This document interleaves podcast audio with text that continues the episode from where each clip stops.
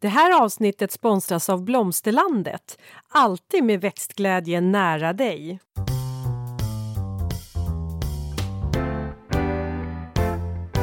Välkommen till Ulrika och Lindas trädgårdspodd. Och det är jag som är Linda Kjellén, trädgårdsmästare. Och det är jag som är Ulrika Levin, trädgårdsdesigner. Och du, idag Linda, så ska vi prata om feng shui. Ett ämne som jag har valt. Jaha. Ja, Det Eller, ja, för det är ju så vi gör. Vi eh, slänger ju in eh, lite olika önskemål eh, i våran lilla, vad kallar man det för? En sån här som man, man Idétombola. ja, tombola var det. Precis. Och där dök den upp. Ja. Feng Shin drog vi. Ja, den ska vi ha. Och vi kommer ha en gäst med oss som är erkänt duktig på det här faktiskt.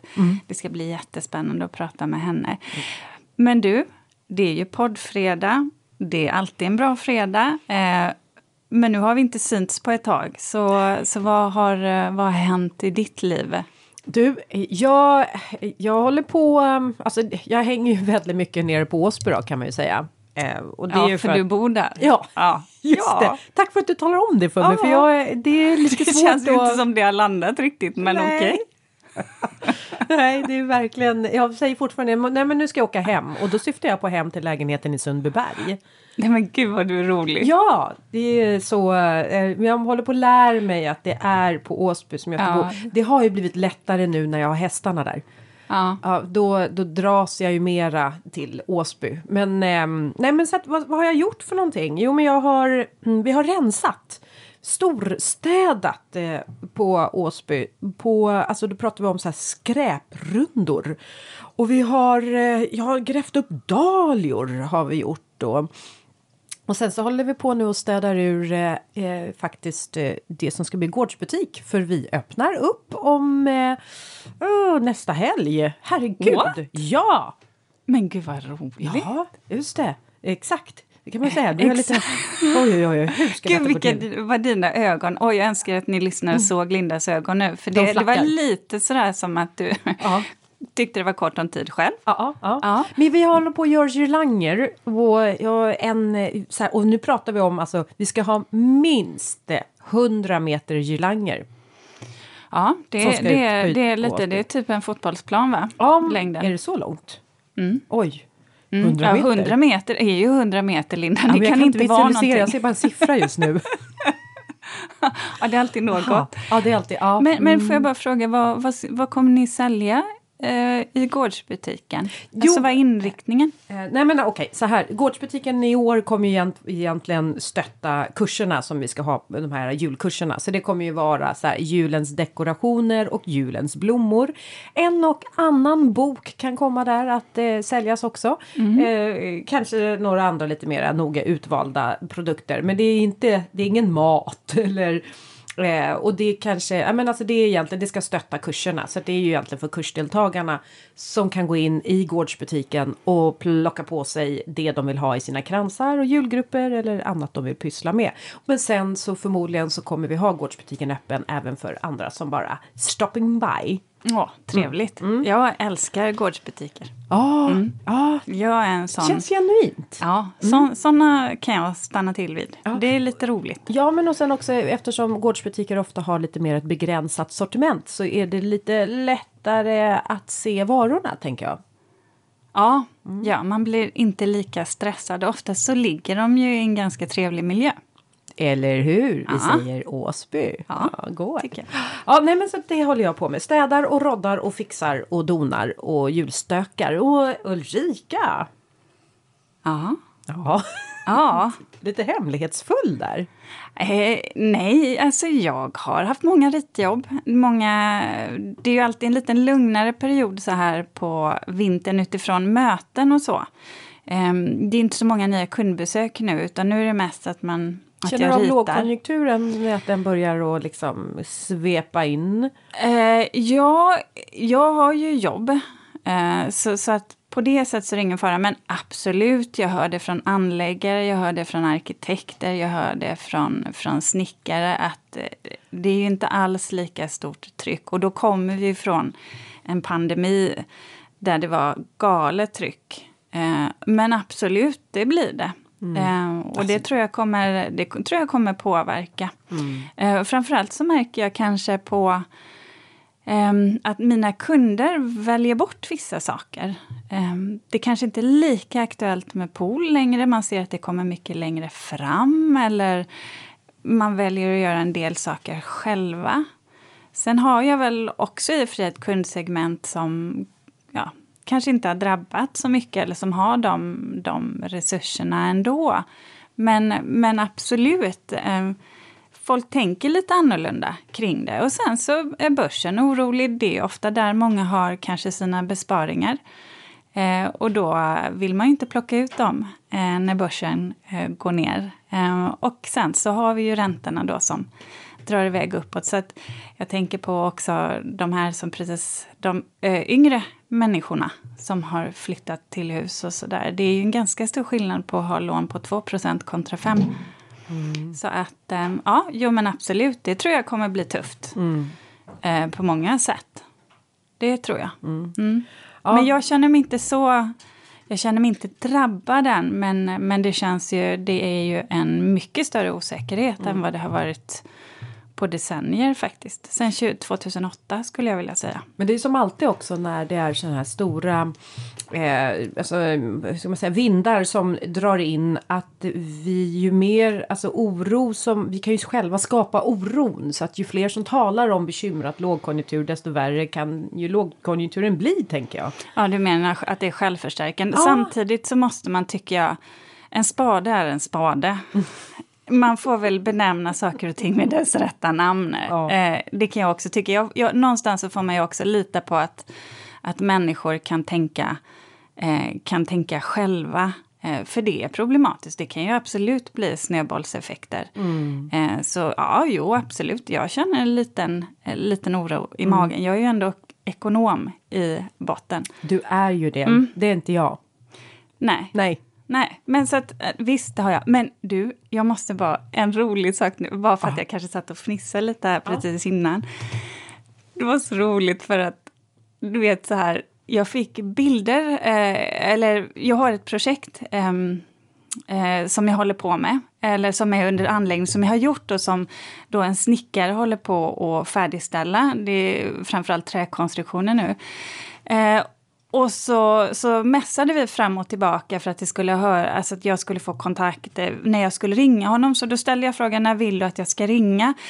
Och då svarar han mig och sen så skickar han en emoji eh, med en blinkning och en pussmun. Oj! Det var, det var ju... Ja, och då tänkte jag så här, tolkar nej, man det? Fel? Nej, men, Ja, det var det första jag tänkte, de här jädra emojisarna som, som man ibland slinter till. Och det kom ju mycket riktigt ett direkt, alltså förlåt, jag menade alltså tummen upp. Så. och jag bara, nej men jag fattar, jag fattade. Andra, men det är, också Ingen lite, fara. det är också lite gulligt för att du kan ju ändå analysera det där och se att det här är en människa som kanske är lite sådär extra hjärtlig för att i favoriter så hade den här personen alltså eh, hjärtemojierna. Eh, så att det kanske är någonting frekvent som personen använder sig av. Ja, en trevlig person. Mm. Han är så det var väldigt... ingen arg gubbe han... Nej, nej. Och så här, han, jag tycker han är jätteduktig, det är det som är så bra, för mm. han... Eh, ja men du vet, han ringer om det är någonting som han vill ändra eller dimensioner som inte fanns och så här tänker jag. Superlätt att jobba med. Grejen är bara det att så har han ju skickat bilder också. Och, när de här, och då är det jag som inte tänker, för då mässar han bilder på, på hur arbetet har framskridit. Jättekul. Det visar ju också någonstans att han är lite stolt över det han gör. Grejen är att när jag ser de här bilderna så tänker jag ju direkt att det är min kund. Det här är en gammal kund. Så eh, jag tänker inte på att jag har namngett kunden i... Jag tänker inte på telefonnumret, att hon står som ett namn i min eh, telefonbok. Så jag drar iväg ett hjärta själv. Tills jag då inser att ah, det var från snickan. Oh. då blev fel tillbaka i alla fall. Oh. Så de där jädra emojisarna. Emojisarna, ja. Bra oh. ibland kan, kan bli Jag tycker också att det är svårt också. att veta hur många emojisar man ska använda sig av. Är man det så töntigt att lägga en emojis efter varje mening? Eller ska man, och när ska man liksom, ja det, ja, ja det där känns som en helt det känns som en helt egen värld. Ja. Eh, jag, jag vet inte ifall jag failar eller inte. Och sen så blir man ju nästan lite beroende av det. Ja. Men du, mm. jag tänker så här, vi måste ringa upp eh, Jannike. Vi måste gå på ämnet. Ja, det gör vi. Då säger jag hej och välkommen till Jannike Wistrand, certifierad inredare och feng shui-konsult och också, eh, som också har bloggen Ad Simplicity. Hej! Hej. Välkommen! Eh, roligt att ha det här. Du, Jannike, Tack. du är yeah. ju en fena på det här med feng shui. Eh, och jag måste bara fråga, är feng shui en stil? Nej. Feng shui är eh, ett verktyg kan man säga som man kan använda oavsett stil. Och verktyget är till för att man ska skapa ett harmoni i ett, i ett hem eller det kan vara i kläder eller det kan vara i livet. Så att egentligen har det inte bara med inredning att göra även om vi ofta kopplar det till det. Så då menar du då att det mer är som en livsstil eller något man adderar i livet som helhet? En lära? Mm. Ja, ja, det är en österländsk lära som är över 3000 år gammal.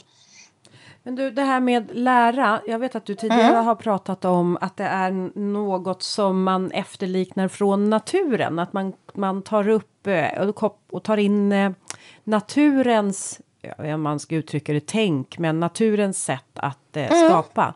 Hur, hur mm. då menar du? Eller? Ja, men ofta säger man ju till exempel att en vacker skön plats har eh, alla de här fem elementen uppnådda. Det är ett skönt flow och så vidare. Det finns ingenting i naturen av sig själv som är exempelvis 90 grader. Det är därför vi ofta är lite ovänligt inställda till vassa hörn och kanter och så vidare. Mm. Jag, så att det är mycket sånt som man har kopplat över. Jag tror att, för jag, jag har förstått att jag så här, omedvetet eh, jobbar med feng shui både i eh, mitt hem och även i min trädgård. Och jag kan tänka mig när jag förstod när du sa det att det här är liksom kopplat an till naturen och hur man mm. har eh, vad som är naturligt så fattar jag ju varför jag eh, återkommer till mitt sätt att skapa i trädgårdar och hemmet. Eh, för att det är väl just den naturen som någonstans slår, slår an hos mig. Mm. Och det är ofta i naturen de här varsamma övergångarna är ni vet. Där saker och ting blir liksom lite extra I naturen så är det ju nu när det blir lite eh, rostrött och härligt på löven så allting följer ju den tonerna. Sen blir det kalt och kargt och lite gråaktigt och blir de tonerna och sen spritsig grönska. Och de här övergångarna. Ingenting i naturen är ju någonting som spretar utan det är ofta väldigt harmoniskt. Mm, det, är liksom inte, det, det, är inte så skarpt. Nej. Eh. Det är det. Så att nej, det är inte... Och sen är det också så här att Eh, Eh, jag tror att vi har det i oss sedan långt tillbaka. Och det är det som är det härliga med feng shui. Det var så jag upplevde det som att wow, vilken häftig verktyg att kunna använda om inte alla människor inte är konstnärliga eller kan känna känslan. Ibland kan man ju bara känna i ett rum, ah, det här känns inte riktigt bra. Eller i en trädgård. Och sen så adderar man något av till exempel eh, vi säger om man nu ska gå ut efter de här elementen jord, eld, vatten, metall och trä. Och är alla de där representerade, då blir det alltid bra. Mm. Och då är det ju så att jag känner att jag kanske saknar eldelementet och sätter in eh, någon gul ros eller jag tänder ett ljus vintertid. Så blir det helt plötsligt komplett och det tror jag vi alla kan känna att wow, det här känns ju väldigt bra. Vad är det, vad är det som känns bra? Och då kan man ju istället använda det baklänges tycker jag och bena upp det om man inte riktigt vet. Mm. Och då kan man använda det på det här sättet också. Men jag tror att många människor, så som du och, eller jag, ni båda, som har redan känslan, använder det omedvetet. Sen tror jag också vår omvärld förstör oss lite. Jo. Att vi liksom vet vad är det som är trendigt, vad är det som är det och så tänker man inte själv hur känns det här och hur mår jag här? Nej, precis. Det är den där, eh, man blir lite osäker på sin egen eh, magkänsla mm. överlag. Exakt. Eh, du, eh, jag tänker att vi ska alldeles strax eh, gå in på och prata lite mer djupare om just de här fem elementen och olika verktyg. Men jag har en, eh, en fråga till dig Ulrika. Vad säger du? Använder du dig av feng shui läran i din trädgård eller i din inredning? Nej, det gör jag inte. Um, men däremot så kan jag ju säga att när jag har haft projekt så har jag haft kunder uh, som, som är intresserade av feng shui, vars trädgårdar jag ändå har fått möjlighet att göra. Uh, jag kan ju väldigt lite om feng shui, ska man säga. Det som jag tror uh, kanske är liknande, alltså där vi jobbar på ett liknande sätt, det är väl det att jag utgår mycket från eh, det här med harmoni, att det ska vara en harmonisk helhet. Eh, jag går mycket efter känslor, sinnesstämningar, för där tror jag, eh, precis som du var inne lite på Jannike, att vi har ju så att säga, vi har ju biologiska varningsklockor tror jag, alltså evolutionärt, där, där vi så att säga tycker att vissa eh, situationer eller platser är obehagliga. Man känner sig inte trygg. Däremot har jag till exempel inga problem med eh, 90 graders hörn. Det lovar jag, det kan jag absolut få till en harmonisk helhet av i alla fall. Eh, men där tror jag att ehm, jag som designer och även eh, det här med du som inredare och feng shui-konsult, att man jobbar lika, för det är ju det man vill ha. Att det mm. ska kännas bra. Mm. Men jag måste också ställa en fråga till dig då, Jannike, för det som jag eh, och det här kanske beror på min egen okunskap, men det som jag ibland kan tycka utifrån ett designperspektiv är att um, när man har vissa läror att det blir måsten, att man låser sig vid att eh, det måste vara på ett visst sätt eller det här ska komma in. Eh, det kanske bara beror på att man inte är tillräckligt duktig på att förstå vad som saknas. Eller vad, Oj, vad säger du om det? Mm. Ja, men det är en bra fråga och en bra påstående. För så är det ju att för så kan jag ju känna vissa böcker. Ibland är det liksom, åh har du inte det så här så dör du ungefär. Ja men lite, lite på så den nivån, faktiskt. Vissa böcker.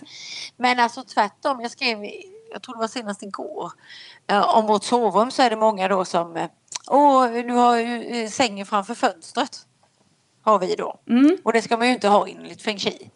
Och, eh, och det finns väl en självklarhet, alltså det är inte så härligt att ha en nacke i något dragigt fönster, det kan jag hålla med om. Men ibland så tycker jag också att det är så viktigt att påpeka att nej, alla hus är inte optimala. Det är inte nybyggda hus heller med jättestora fönster.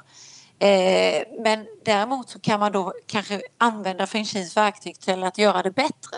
Och i mitt fall då så finns det snedtak som man skulle kunna ligga och slå huvudet i istället och då är ju detta det absolut bästa alternativet av två som är lite sämre. Mm. Och då utefter det så kan vi istället liksom eh, ha lite högre sänggavel, goda kuddar, en matta på golvet som lugnar rummet och så vidare. Så att man kan istället, har man kunskapen om feng shui för man kan ju kanske känna ibland att ah, det känns ju inte bra att ställa soffan så eller man har en matplats ute i trädgården där man liksom inte har översikt över, över trädgården utan det känns lite obehagligt. Nej men då kan man ju plantera någonting som håller om någon större buske eller någonting. Så att jag vill mer, har man kunskapen så kan man eh, använda den till att göra det bästa av saker som man kanske inte känner är optimala. Ja, och då, där är vi helt eniga. För så tycker mm. jag också, man måste man måste våga prova ja. olika valmöjligheter och verkligen känna efter. Och precis som du säger, det finns alltid begränsningar eh, som man måste ta, ta hänsyn till oavsett hur man arbetar. Och sen är det ju självklart så att eh, som för oss så kanske vi snabbt ser vad som saknas eller vi ser ett flöde som inte är bra ett rörelsemönster som, som bara äh, ställer till det för en. Eh, men då tänker jag mig att det inte är fel att ha något att hänga upp det på så länge man inte, eh, med tips och råd, men så länge som man då inte känner att man behöver låsa sig. Men, men Linda, får jag bara fråga, du sa att du jobbade lite omedvetet med det, för jag vet att du är ju faktiskt väldigt intresserad av det här. Mm, ja, men det, jag är, det är jag verkligen intresserad av.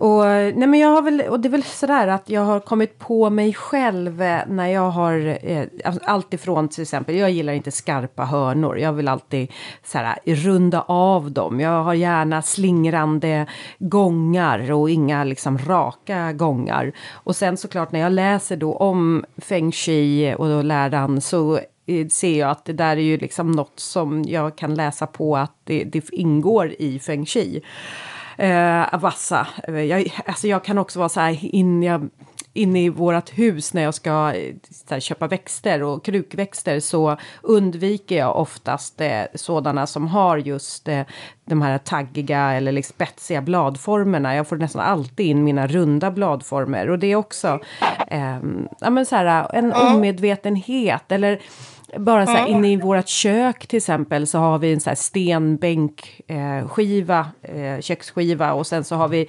spisen och mycket så här hårda material. Naturligt så plockar jag in kanske en träskärbräda. Och det vet jag inte heller om det kanske är då feng shui i det också. Absolut, det är ju precis det man brukar säga, liksom, att man hela tiden...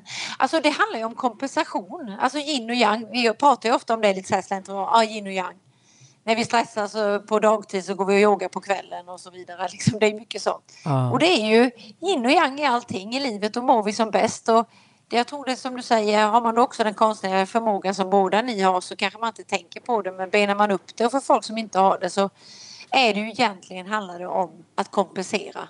Har vi det som vi har det nu kallt och kargt ute, det är inte för intet. Vi tar in varma rostiga toner, det är inte för intet. Vi tänder ljus.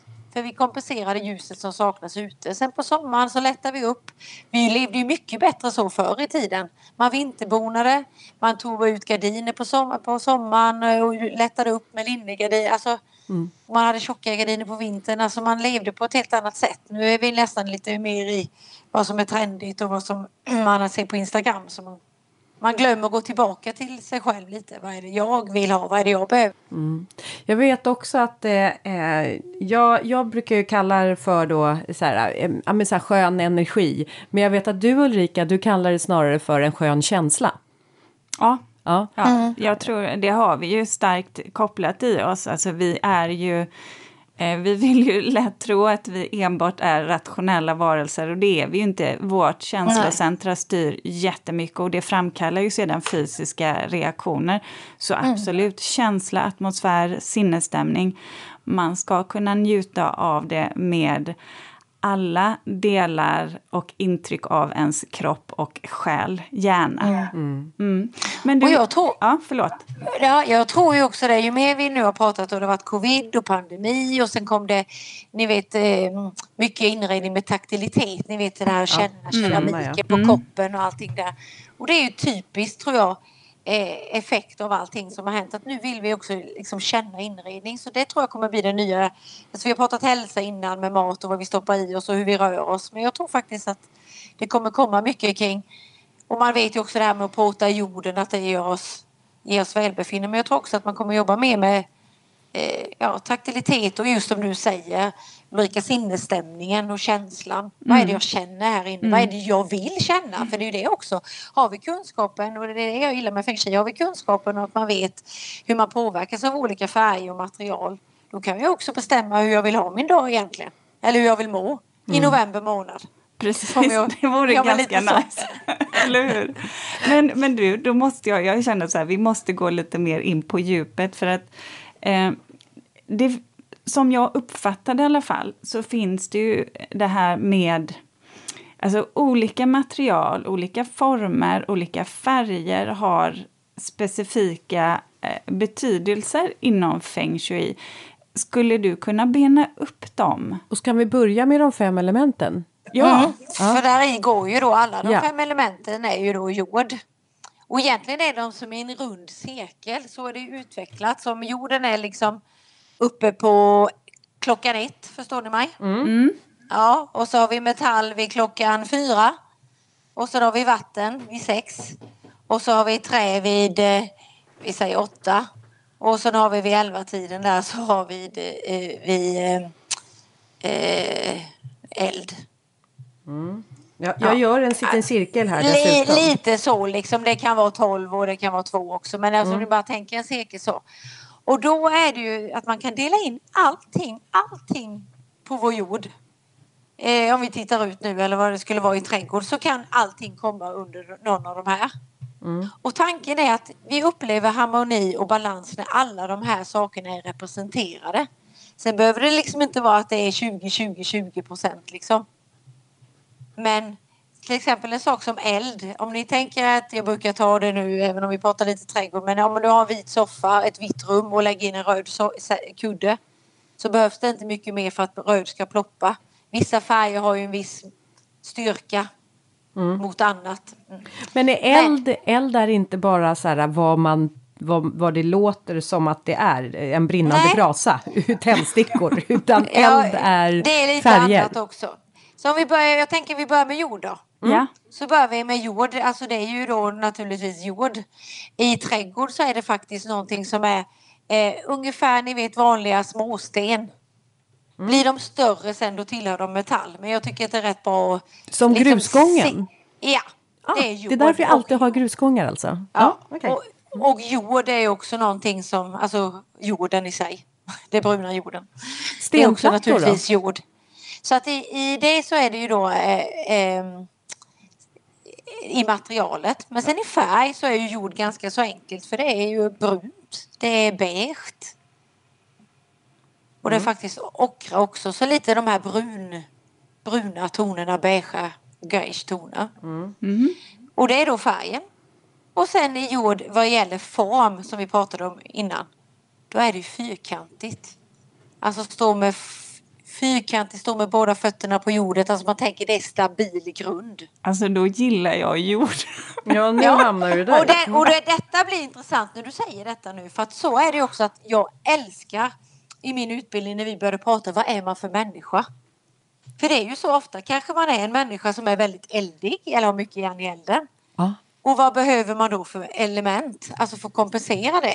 Och ofta är det ju så att man kanske har en viss garderob. Och som också lirar lite med vad man är för person. Så att det är väldigt intressant. Och man är ju ofta något som gillar, jag är en sån som gillar mycket metallelement exempelvis. Och du säger direkt att du kände att du är en jordare. det är så alltså jättekul. snart- inte färgmässigt kanske, men vet du vad? Nej. Jag tänkte så fort du sa fyrkantigt. Ja, ja, men, ja, men det Så kan vara det. jag Alltså, så det kan vara kantigt. ja, jag tänker det ofta kan på jag gilla. Fru Fyrkant och Fru Fantasi, eller vad sa du? Nej, alltså vet du vad? Det är ju så här att jag kan gilla formen. Eh, jag gillar Ja, mm. geometriska former, men helt ärligt Ja. så gillar jag ju också eh, cirklarna. Eh, det är ju starka former allihopa. Det var mer Mm. Ja. det, eh, eh, en blinkning till att det finns en det finns Ja. en plats för ett 90-graders Mm. hörn även i feng shui, hörde jag där, Jannike. Absolut, det gör det. Absolut. Förlåt, fortsätt vidare till Ja, nästa då. Linda, visst är vi stolta över att ha en sponsor till dagens avsnitt? Ja, och det är Blomsterlandet. En trädgårdsbutik nära dig med butiker över hela landet och en e-handel som är öppen dygnet runt. Välkommen! Så där, där har vi lite snabbt fatt, kortfattat för vad som är jord. Sen Ja. kommer vi till metall. Då kör vi igen då metall, alltså materialen. Och det är ju naturligtvis metall.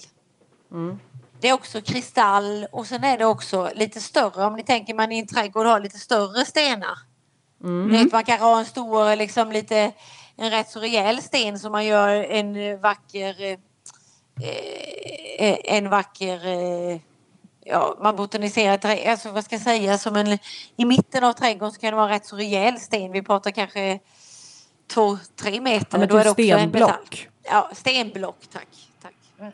Så det är så. Eh, då är det metall. Sen så när man kommer till färger då är det pasteller. Mm. Det är rätt lätt. Ljusrosa, ljuslila, ljusblått Det känns. Ulrika. Det gillar jag också. Mm. Ja. Och sen i form så är det cirklar och ovaler. Så Ja. den är rätt lätt metallen att komma ihåg. Ja. Ja. Så då har man dem. Och sen så kommer vi till vatten. Och vatten är ju enligt feng shui där framgången. Alltså har man vatten eh, eh, som eh, det är många företag som jobbar, så här Hongkong Bank och så vidare. De har ofta vatten som rinner in mot företagets entré. Alltså vatten har alltid varit framgång i feng shui.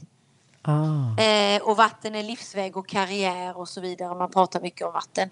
Men vatten är ju naturligtvis som material vatten så det är väldigt enkelt. Men det är också glas. För om ni tänker i glas så är ju det, man ser ju vattnet.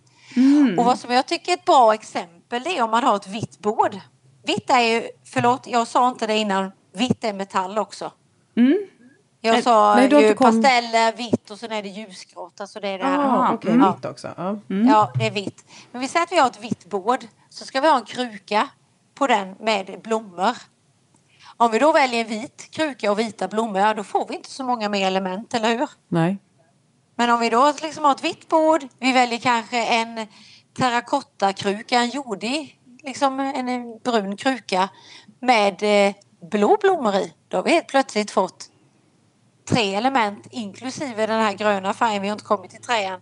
Så har vi fått den här gröna färgen från träet också så då har vi fyra element. Sen att tända ett ljus så har vi liksom alla element. Förstår ni vad jag menar? Om man då väljer en glasvas där man ser vattnet och blå blommor då blir det ju liksom tårta på tårta ska jag inte säga men då har man ju bara vatten. För det blåa färgen är vatten. Ja, så det jag skulle komma till. Så vi har vatten som är vatten och det är glas som är materialet vatten. Sen har vi då blåa kulörerna och mörka kulörer. Alltså vi pratar mörkgrönt, mörk eh, vinrött och så vidare. Allting som är väldigt mörkt. Som nästan upplevs som ett djupt hav. Om ni förstår vad jag menar. Det är vatten. Är, är, är svart, ingår svart i Japp, vatten? skulle Ja. komma till det så svart är också vatten. ja, då gillar jag vatten också, måste Ja, jag säga. ja. Ja. Men du säger ju här nu förmodligen så gillar du allt och kommer kombinera allt och det är därför du är så duktig designer. Och jag tänkte, Så bara, jag tänkte mer säga, gud vad skönt att jag slipper välja Jannike. Jag kan, Ja, ha, jag kan precis. ha alltihop. Absolut, och det är det man ska. Och sen formen Mm. i vatten, det är oregelbundna former, asymmetriska former. För om ni tänker man spiller ut ett glas vatten så blir det ju Mm. väldigt asymmetriskt. Och det är ju där vi har varit väldigt mycket nu och är i trender. Väldigt asymmetriskt. Ni vet alla speglar ska vara lite... Ja, precis. Ja. Jag var hemma hos min, eh, min bror, han fyllde år här och då hade han eh, precis varit och köpt en ny spegel och den var som en barbapappa. Ja, Ja, så det är mycket sådana asymmetriska. Så där har vi vattnet och sen kommer vi till trä och trä är ju naturligtvis träelementet men här blir det lite stökigt. Trä är ju lättast att tänka växter. Färgen är grön. Jättelätt. Men sen och sen när det kommer till form så är det pelarliknande former. Som ni tänker är mycket trä, alltså det är ju höga former. Eller om ni har lampor i fönster som är liksom bara på en rak lampfot så är det också en pelarliknande form. Om vi tänker oss en bok, vi säger att vi har en hylla med en bok som blir frontad och ni ser den fram, framifrån. Så man ser liksom hur den ser ut. Då blir det ju en kvadrat, eller hur? Mm. Och det blir väldigt skillnad på en hylla om man ser den så eller om ni ser dem ett gäng eh, kvadrat eller ett gäng böcker som står som i en bokhylla eh, som vanligt. Med ryggen ja. Då blir det ju faktiskt träelement för då blir det ett randigt mönster. Så här har vi ett mönster som är randigt så att till exempel skulle man kunna hårdra det så om inte jag kan ha trä i mitt eh, vita badrum så kan man ju hänga en randig halmduk så kan man nästan få samma känsla av att man har träelement som en växt i rummet. Man kan verkligen gå ner på detaljnivå. Jag hör det när Mm. du beskriver här nu att d- du kan ju in i minsta lilla detalj faktiskt förändra. Ja, Mm. Ja, och det är det som är så kul. intressant. För det där, för det, ja. Men vi hade trä och träelement, eh, alltså trä i växtlighet och naturligtvis och också färsk frukt. Lite som du pratade om där, mjuka upp den hårda bänkskivan, sätt en, en, eh, en skål med citroner till exempel. Då typisk styling, Då- eh, Ja, typisk stylinggrej inför en Ja, husförsäljning ja. alltså. Ja. Exakt. Och sist så har vi eldelementet och då har vi de eh, Eldelementet är ju naturligtvis eld. En brasa, tänt ljus, belysning. Men eld är också eh, i form faktiskt, om ni tänker en brasa om man skulle rita den så är det ju en triangel. Mm. Så triangelliknande former är eld. Och sen är eld då gul, orange, röda toner, alltså riktigt liksom värmande toner kan man säga. Så att eh, eh, om man inreder till exempel en trädgård och sen har vita blommor och men inte har belysningen. Eh, man kanske har satt dit belysningen men den är inte tänd, då är det ju inte eldelementet. Det uppkommer ju inte från, för många säger så här, ah, men jag har en lampa i det fönstret, ja men så länge inte den är tänd så är det ju inte eldelementet. Nej. Såvida inte skärmen är gul. Så någonting kan ju också vara två saker. Den där skålen med citroner är ju både träelement men det blir också eld eftersom de är gula. Och här brukar man ju säga, och det vet ju ni också som jobbar det här, färg går ju alltid före form och material. För färg är det första vi ser. Så när jag lär ut feng shui och att man ska komma i balans i sin trädgård eller i sitt hem så brukar jag säga börja med färgerna i feng shui. Känn efter liksom direkt att ni har en harmonisk balans mellan färgvalen. Mm. Vad, vad, lustigt här nu. Jag sitter, jag sitter och tänker på mitt eget hus eh, utifrån mm. det här du har beskrivit. För jag har ju ett mm. vitt hus mm. med eh, varmgrå... Metall? Ja. Metall. Mm. Sen har jag eh, varmgrå, ljust grå då, varmgrå foder. Sen mm. har jag gröna fönsterkarmar. Då har du träet där. Ja. Och då har du trä även när det är riktigt tråkigt ute. Och det är ju en bra grej, för det är ju inte många som har.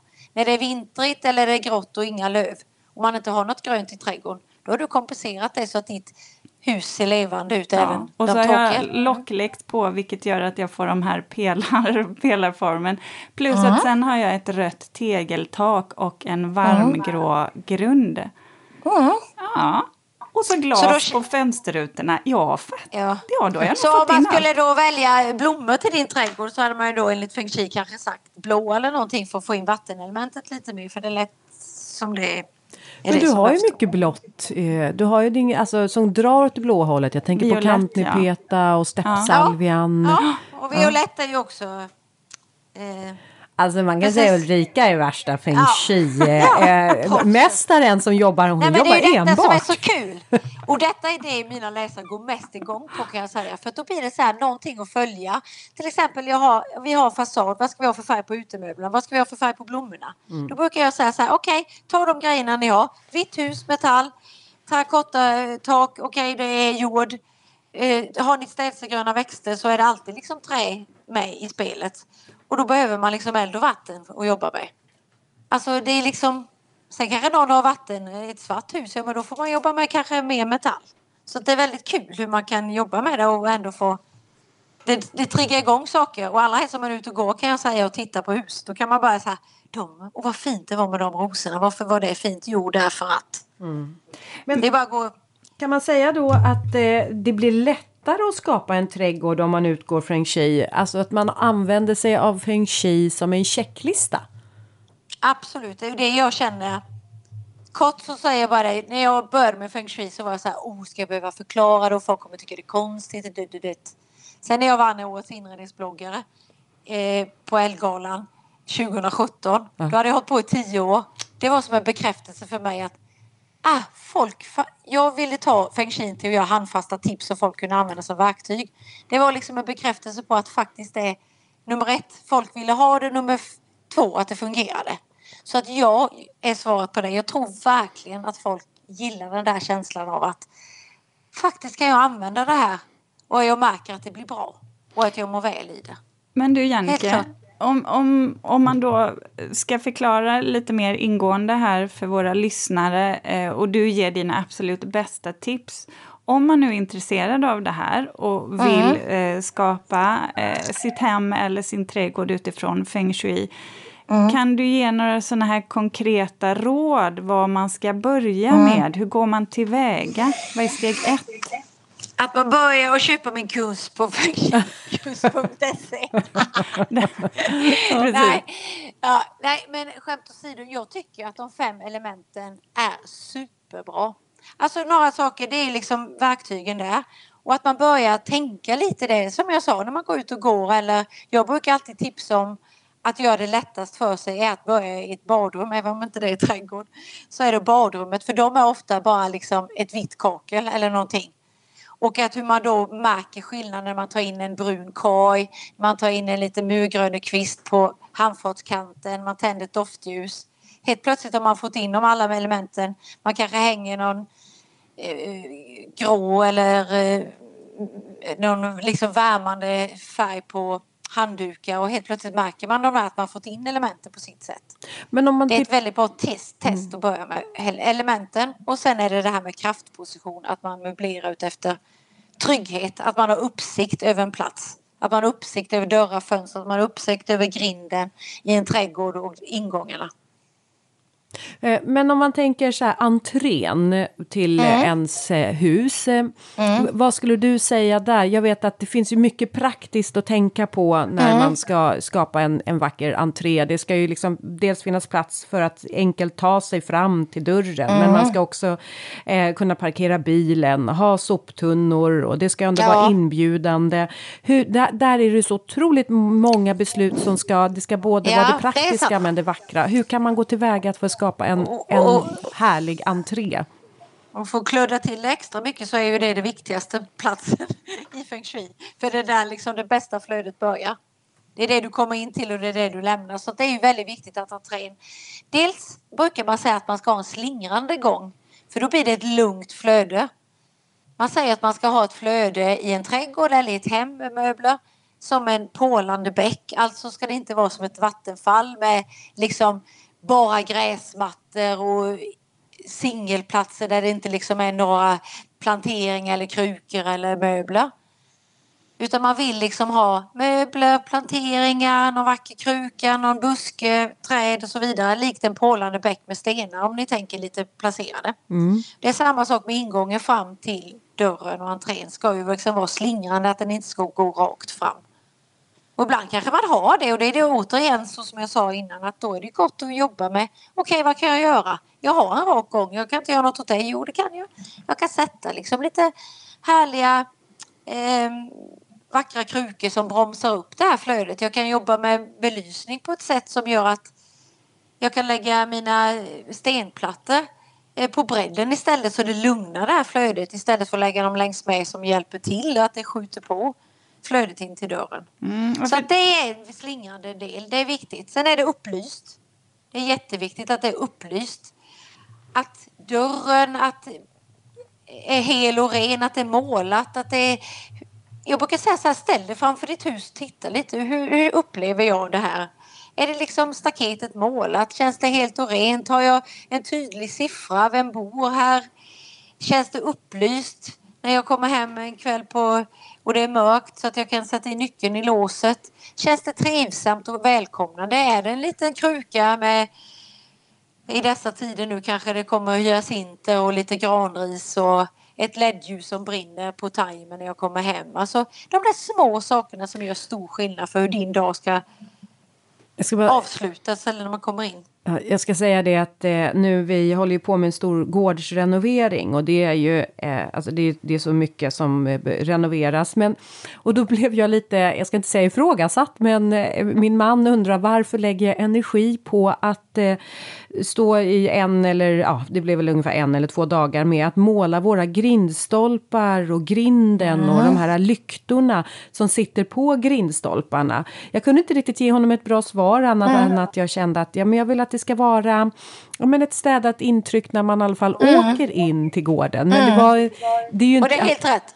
Vi har ju hela huset och laggårdar som håller på att rasa in men jag fokuserade på att det ska vara vackert. Jag kunde inte sätta fingret på varför men det var viktigt för mig. Det är viktigt. Ja. Ja. men det är det ju. För det är det första du ser och det känns som du säger helt och rent. Och staket om något är ju det som håller om huset om vi nu ska prata liksom det här omhullandet. Det är som husets gardiner Ja. inomhus. Det håller om och liksom det är jätteviktigt. In, inramningen, ja. Absolut. Inramningen, ja. Du, Jannike, eh, så roligt att få prata med dig. Stort tack för att du var med.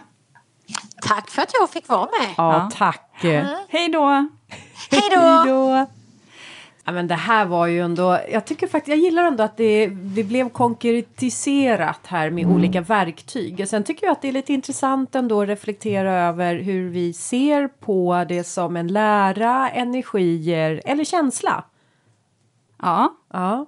Ja. Vet du vad jag kom att tänka på? nu är jag sådär jobbig igen.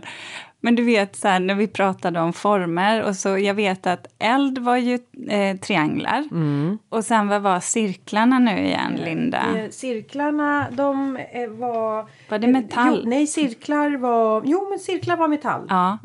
Och så tänkte jag så här då, att jo men en cirkel, du skulle ju kunna se en cirkel som massa, massa med små, små, små trianglar. Det kan man faktiskt göra. Du vet att det finns ju raka kurvor i en cirkel. Nu är vi tillbaka där igen, jag ska inte tjata om det. Och då tänkte jag så här, hur blir det då, Linda? Ja, ja hur blir det då Linda? Um, eller ställ frågan till någon annan. Hörru. Ja, precis. Eller gör det inte så komplicerat Ulrika, Nej. kan man också tycka. Jo, sen har vi också ett erbjudande till er lyssnare. Jannike ger nämligen 20% på sin kurs som ni hittar på fengshuikurs.se. Det ni behöver göra för att få de här 20 procenten det är att, ni, är att ni lägger in koden Ulrika och Linda. Ulrika och Linda med ett utskrivet och. Ja, Ja. det måste ni absolut göra. Så, Linda, reflektionen för veckan. Jo, men jag har ju reflekterat över att Åsby gård lär mig saker om mig. Ja, bland annat så trodde faktiskt jag att eh, jag skulle vara mörkrädd. För det är, Ja. ju, det är ju någonting som många har sagt till mig när vi har sagt att vi ska, ska flytta till, ut på landet och man bor annars så här i en storstad med gatubelysningar överallt. Och att det kommer bli väldigt mörkt. Och det där har jag oroat mig för. Speciellt nu har vi gått in i vintertid så att det är liksom extra mörkt. mörkt. Det har varit ganska regnigt här ett par veckor. Och jag tänkte att det är nu det kommer slå till min mörkrädsla. Och framför allt också eftersom jag har så livlig fantasi. Jag ser ju saker. Och sen kanske det inte var det bästa liksom att börja med eh, halloweenveckan. Liksom. så här när man skulle bo eh, lite alena ute Jag på... tänkte säga, jag, jag var på väg att skicka ett litet sms till dig med, med ett sådär läskigt filter på, så tänkte jag så här, nej men jag gör inte Nej, det. det var snällt att du inte gjorde det. Ja. Men om vi säger så här, fantasin har jag, men den triggas inte igång av mörkret. Eh, och det enda, eh, för, för så här, jag rider eh, på en gård som ligger bredvid som eh, ridlektioner. Och då har jag med mig en av mina hästar och sen så ska jag ju gå fram och tillbaks till den här gården och det är alltså becksvart är det. Eh, och där har jag ju tänkt att nu, nu, men jag blev inte rädd. Eh, sen så kom hovslagaren och då berättade jag så här, nej men jag är faktiskt inte mörkrädd. Och då sa han det, nej men det behöver man inte vara rädd för, det enda är väl om det kommer typ vargar eller Jag om- tänkte vildsvin, och tänkte jag. vildsvin sa de var ännu värre. Så det är väl snarare där kanske min rädsla ligger Ja, för i. de är inte roliga, Linda. Vildsvinen. Men säg inte sådär. Nej, men på riktigt, det får du faktiskt vara lite observant på och ifall du har Ester med dig. Det, ja, nej men det, nu är jag helt allvarlig. Ja, förlåt, fortsätt. Ja, okej. Ja, jag var, ja, men jag är okej. Jag har ju lärt mig att jag inte är mörkrädd, men jag, jag, jag, nu blev jag ju en annan skräck istället då. Ah, Du får någon sån här Rambo-kniv eller så Ah. med dig eller typ. Så blir någon, Jaha. jag, så får du bli en jävel på att springa, Linda. I ridstövlar. Ja, det kan jag väl. Ja, ja, jag ser i alla fall fram emot att eh, slå hål på fler såna här farhågor som jag har haft och bara drabbade, alltså det där, nej, jag klarade det också. Alltså lite en sån här checklista på farhågor och saker som är läskigt Ja, men i det bra nya jobbat. livet. Ja, Ja. men mörkrädsla var det inte. Däremot så, däremot så kan jag nog tycka att det är lite man är lite själv ute på Åsby. Ja. Alltså själv på det sättet att ens barn har flyttat hemifrån. Och eh, att man är liksom uppryckt ur sitt vanliga, liksom, ja men alltså en Ja, stad det som liv man du har till. känt Ja, under ganska lång tid. Det, det sätter ju ändå sina spår hos en människa. Ja, det gör det. Men vad roligt att du säger det där med att det är lite ensamt. För att det var så här, det har ju varit sportlovsvecka förra veckan. Nej, Eh, nej höstlov. höstlov. Ja. Ja, ja, lov som Ja, lov. Ja, lov som lov. lov som lov. Men ni Eh, sportar väl jämt på era lov? Eller hur? Ja. Ja, Okej, konstant. Jo, förra men i alla fall. Eh, och jag har ju nämnt det här tidigare, men att jag har funnit att jag helt plötsligt är ganska mycket själv hemma. Och det har ju inte jag varit på väldigt, väldigt länge.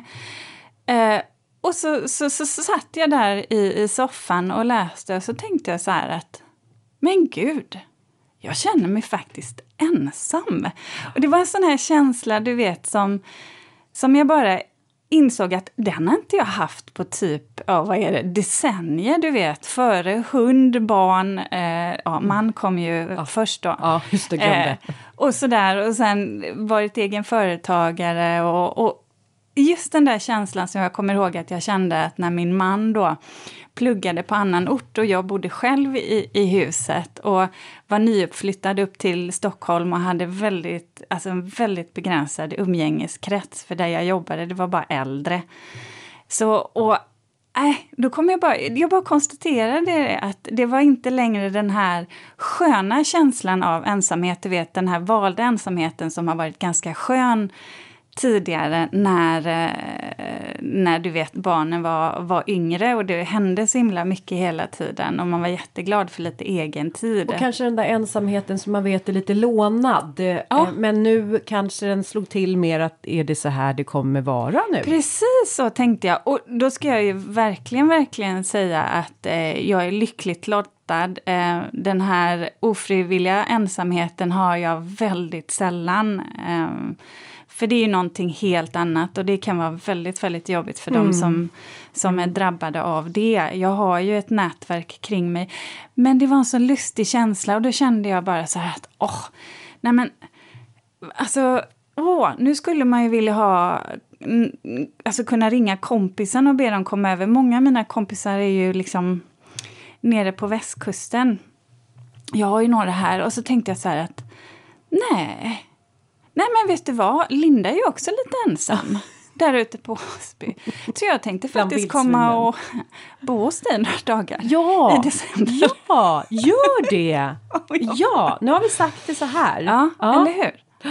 Nu har vi bestämt det. Ja. Så jag, jag måste göra lite saker eh, som gör att jag fyller min tid på ett annat sätt, har jag bara kommit fram till.